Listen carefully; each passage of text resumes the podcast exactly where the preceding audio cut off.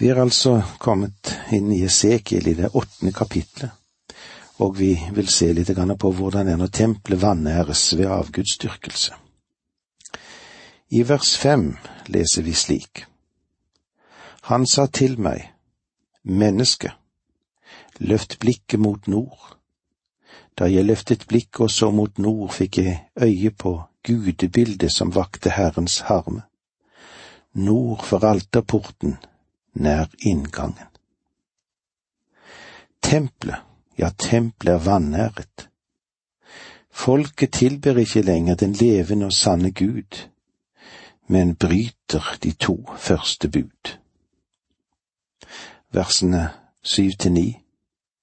Så tok han meg med til porten som fører inn i tempelgården, og der så jeg et hull i veggen. Han sa til meg, Menneske, bryt deg gjennom veggen. Da jeg hadde gjort det som han sa, fikk jeg se en dør. Og han sa til meg, gå inn og se all den fæle styggdommen som de driver med der.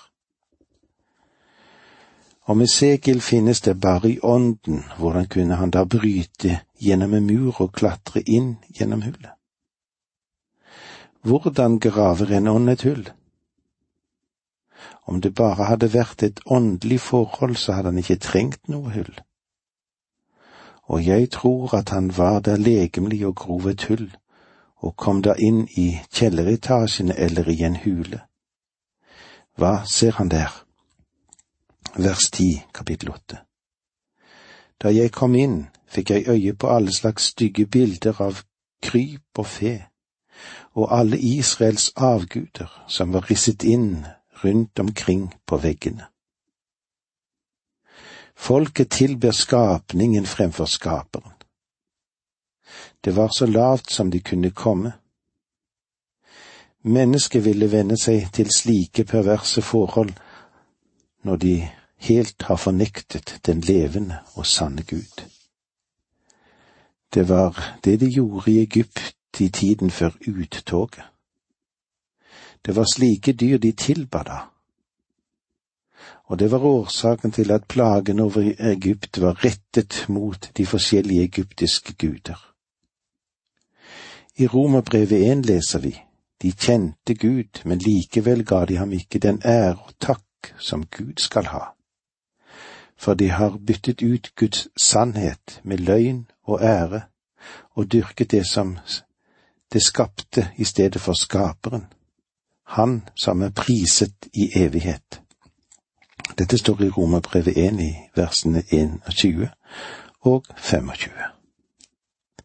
Det betyr at Israel hadde sunket ned til samme nivå som folkeslagene rundt dem hadde, og de bar ikke noe vitnesbyrd lenger om den levende og sanne Gud. Derfor vil han ødelegge tempelet. Versene elleve og tolv Foran dem sto sytti menn av Israels eldste, og midt blant dem sto, ja, Anja, Sjafans sønn. Hver av dem hadde en røkelsesskål i hånd, og en duft steg opp fra røkelsesskyen. Da sa han til meg, Menneske, har du sett hva Israels eldste driver med i mørket? Vær i det rommet hvor han har sitt bilde. Herren ser oss ikke, sier de. Han er dratt bort fra landet. Her ser du at de har fullstendig sagt farvel til Gud. De sa at han ikke våket over dem. Og de som i dag også sier at Gud er død, prøver i virkeligheten å si at Gud ikke ser etter oss at vi ikke står ansvarlig overfor ham.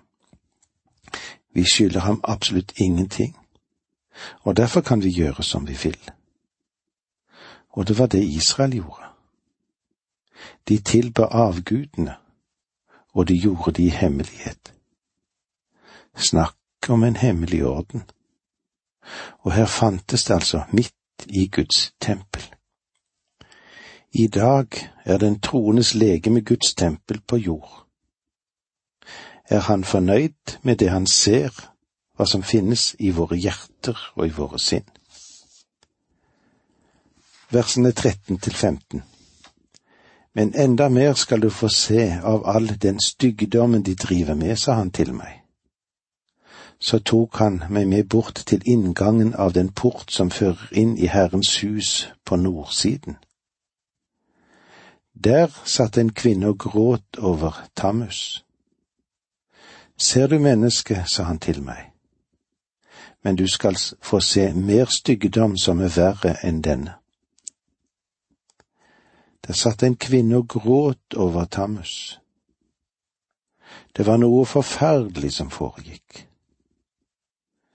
Tammus var den samme som babylonernes Dumutsti, Gud for vår, vårens vekster.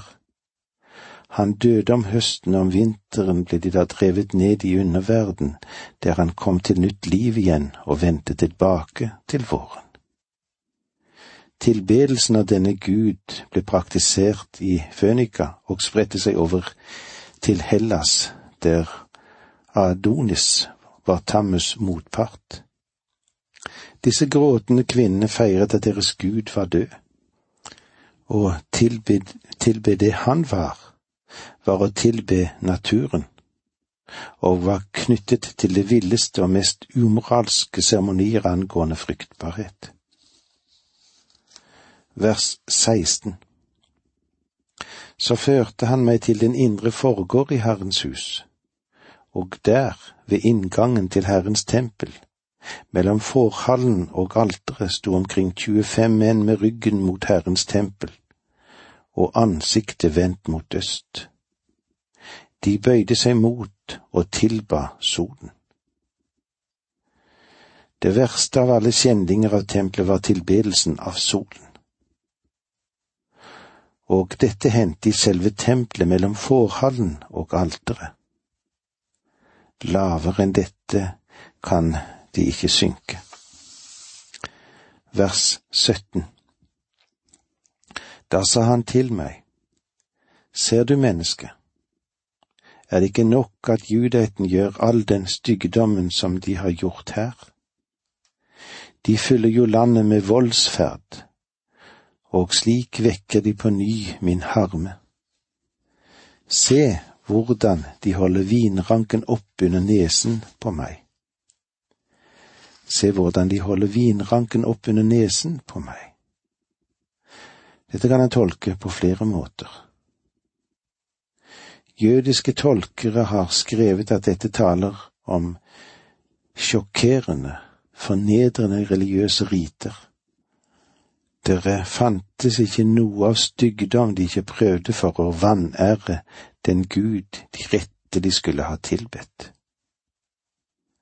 Nå uttrykker Gud sin harme, vi leser i vers 18 så vil jeg også gripe inn i harme.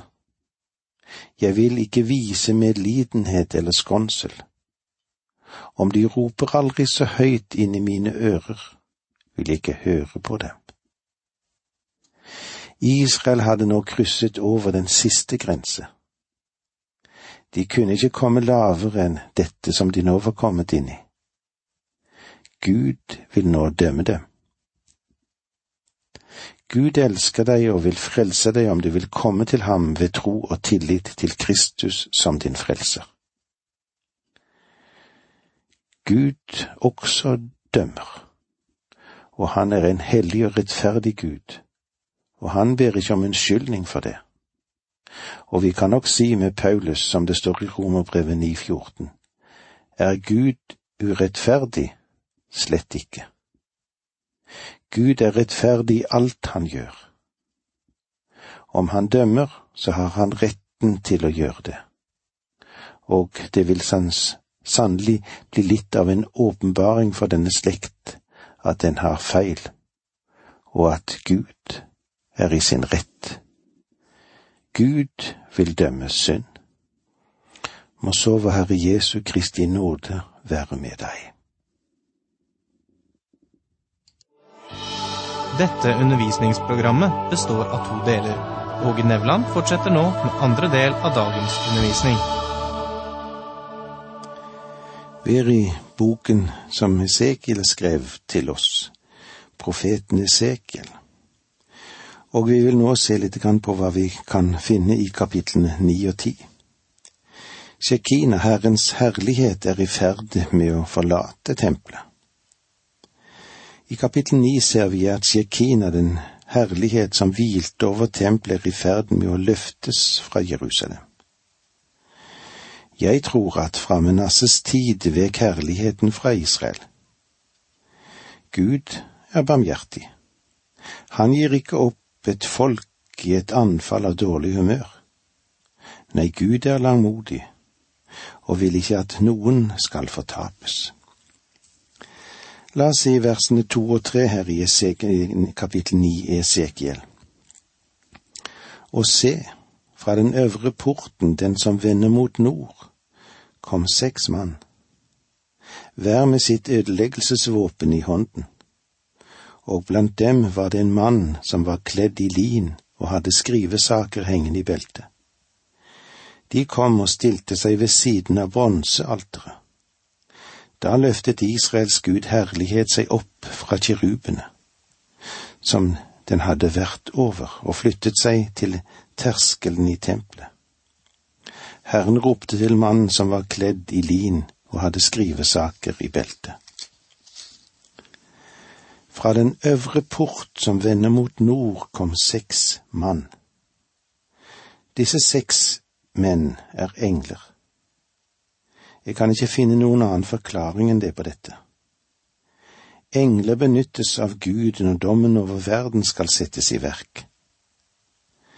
De knytter seg til Israel og de har intet å gjøre med menigheten. På pinsefestens dag kom Den hellige ånd, ikke engler.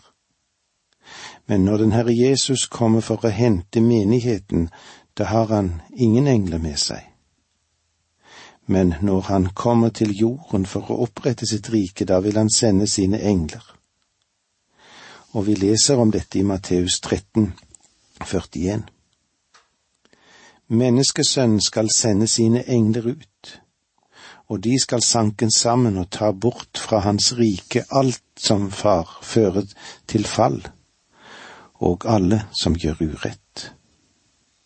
Og så står det òg i Matteus 16, 27. For menneskesønnen skal komme i sin fars herlighet sammen med sine engler og skal da gi enhver igjen etter det han har gjort. Og så skrev Paulus det på denne måten, som vi òg finner i 2. Tessalonikerbrev 1, 7 og 8. Og dere som lider trengsler, skal han gi lindring sammen med oss. Slik skal det gå til når Herren Jesus åpenbarer seg fra himmelen sammen med sine engler i makt og velde. Han kommer med flammende ild og fører straff over dem som ikke kjenner Gud og som ikke er lydige mot vår Herre Jesu evangelium. Etter det tredje kapittelet i åpenbaringsboken nevnes ikke menigheten som så langt har blitt henvist, som vi så langt har blitt henvist til så ofte. Hvorfor? Menigheten er borte fra jorden, og englene har overtatt dommen over jorden. Da løftet Israels Gud, Guds herlighet, seg òg opp fra kjerubene. Det betyr at den ble løftet bort fra det hellige sted. Kjerub satt over nådestolen.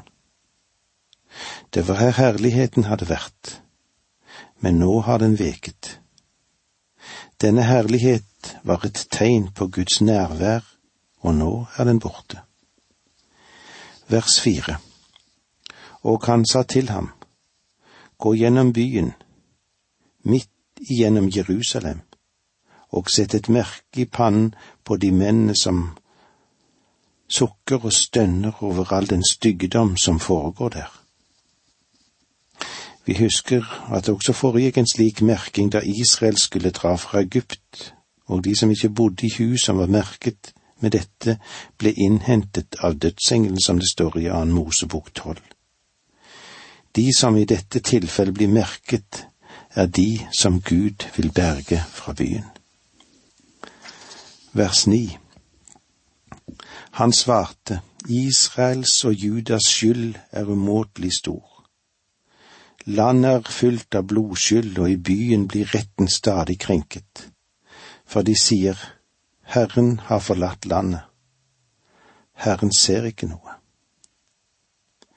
Det var som om folket sa Gud er blind, og han finner ikke veien til jorden. Det er det samme som sies i dag, de som påstår at Gud er død. Det er enkelt å si at Gud er langt der ute og vet ikke hva som foregår her på jorden. Men når du tenker på det, så er det jo absurd. Bare fordi du ikke har sett Gud og har sett vitnesbyrd om ham, så du ikke, ser du ikke noe bevis på at han eksisterer. Om du ikke har vært i Tokyo eller i Japan, så vet du at det er en by som er navn Tokyo og den er i Japan, og det er en stor by. Om du aldri har vært der, så kan ikke du late som om din ikke er der. Men faktum er, det blir stående. Byen eksisterer jo. Bare fordi et, om et menneske ikke har et nært fellesskap med Gud, så betyr det ikke at Gud ikke eksisterer. Folk i Israel prøvde å si til seg selv at Gud hadde overgitt jorden. Hvorfor? Fordi de hadde overgitt Gud. Vers ti. Derfor vil heller ikke jeg vise medlidenhet eller skånsel. Jeg gir dem igjen for deres ferd. Ødeleggelsen av Jerusalem som nå er i hendene på Nebukaneser og det brennende tempelet var en fryktelig ting. Hvorfor gjorde Gud dette? Han har sagt, Jeg vil la deres egne veier komme over deres eget hode. Det er Gud som styrer tingene, og om du ikke går i takt med ham, så ville det kanskje være noe å tenke på å komme inn i ledd igjen. Om jeg så en løve komme ned gaten mot meg, så ville jeg ikke fortsette å gå mot ham. Jeg ville vende om og gå i samme retning som løven så fort jeg bare kunne og så langt som jeg bare kunne komme foran den. Du kan prøve å bekjempe Gud om du vil, men får jeg lov til å si til deg at Herrens vogner rider i triumf, og at Gud også har barmhjertighet for deg om du vil gå ham i møte. Guds kvern maler langsomt, heter et gammelt gresk ordtak, men den maler utrolig fint. Vers 11 Mannen som var kledd i lin og hadde skrivesaker i beltet, kom tilbake og meldte. Jeg har gjort som du bød meg. Her var altså mennesker som var satt til side for dom og det var en rest som var merket for å bli frelst. Gud er nådig mot den som vil vende seg til ham. Det faktum gjør faktisk hans dom enda mer rystende. Vi vil nå komme inn på å se litt grann hvordan det er med Herrens herlighet som fyller det hellige sted. I kapittel ti fortsetter Esekiel sitt syn om Herrens herlighet som løftes bort. Gud har på overnaturlig vis fraktet Esekiel til Jerusalem for å la ham se disse tingene, og så vende tilbake for å avlegge rapport til den store del av Israels folk som allerede var i fangenskap i Babylon. Der drev de falske profetene fremdeles og fortalte at alt gikk bare bra i Jerusalem, og at de snart ville bli frigitt og de kunne få lov til å vende tilbake dit. Esekiel, ja, nå kan han fortelle dem hvorfor Gud vil ødelegge byen, og han vil tillate at dom kommer over dem. Vi så i kapittel åtte at det var tilstrekkelig bevis på synden i folkets liv i Jerusalem. Gud viste sekel dette helt klart. Vi trenger å være våken for det faktum at Gud dømmer. Det er et av bevisene vi har på at vi har en levende Gud. Vi klarer ikke å smette unna med vår synd. Og det faktum at vi ikke kommer unna er også et bevis på at Gud eksisterer. Hjulene inni hjulene som Esekiel så taler om når det gjelder Guds energi, hans kraft, der han beveger seg inn i menneskets verden. Herrens herlighet hvilte over kirubene, Mellom kirubene i det aller helligste i tempelet.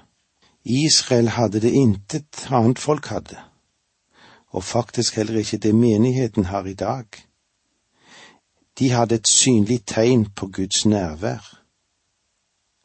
I det niende kapittelet i Romerbrevet der lister Paulus seg til å si noe på åtte forskjellige tegn som identifiserer Israel som et særskilt folk. Og et av disse tegnene er herligheten. Dette folket hadde Shekina, herligheten, Guds synlige tilstedeværelse. Der dette Sekiel så i et syn i det første kapitlet i denne boken, og vi vil få mer kjennskap til det etter hvert som vi beveger oss videre utover i denne mektige boken som Esekiel har gitt til oss. Og med disse ordene må vi si takk for nå, må Gud være med deg.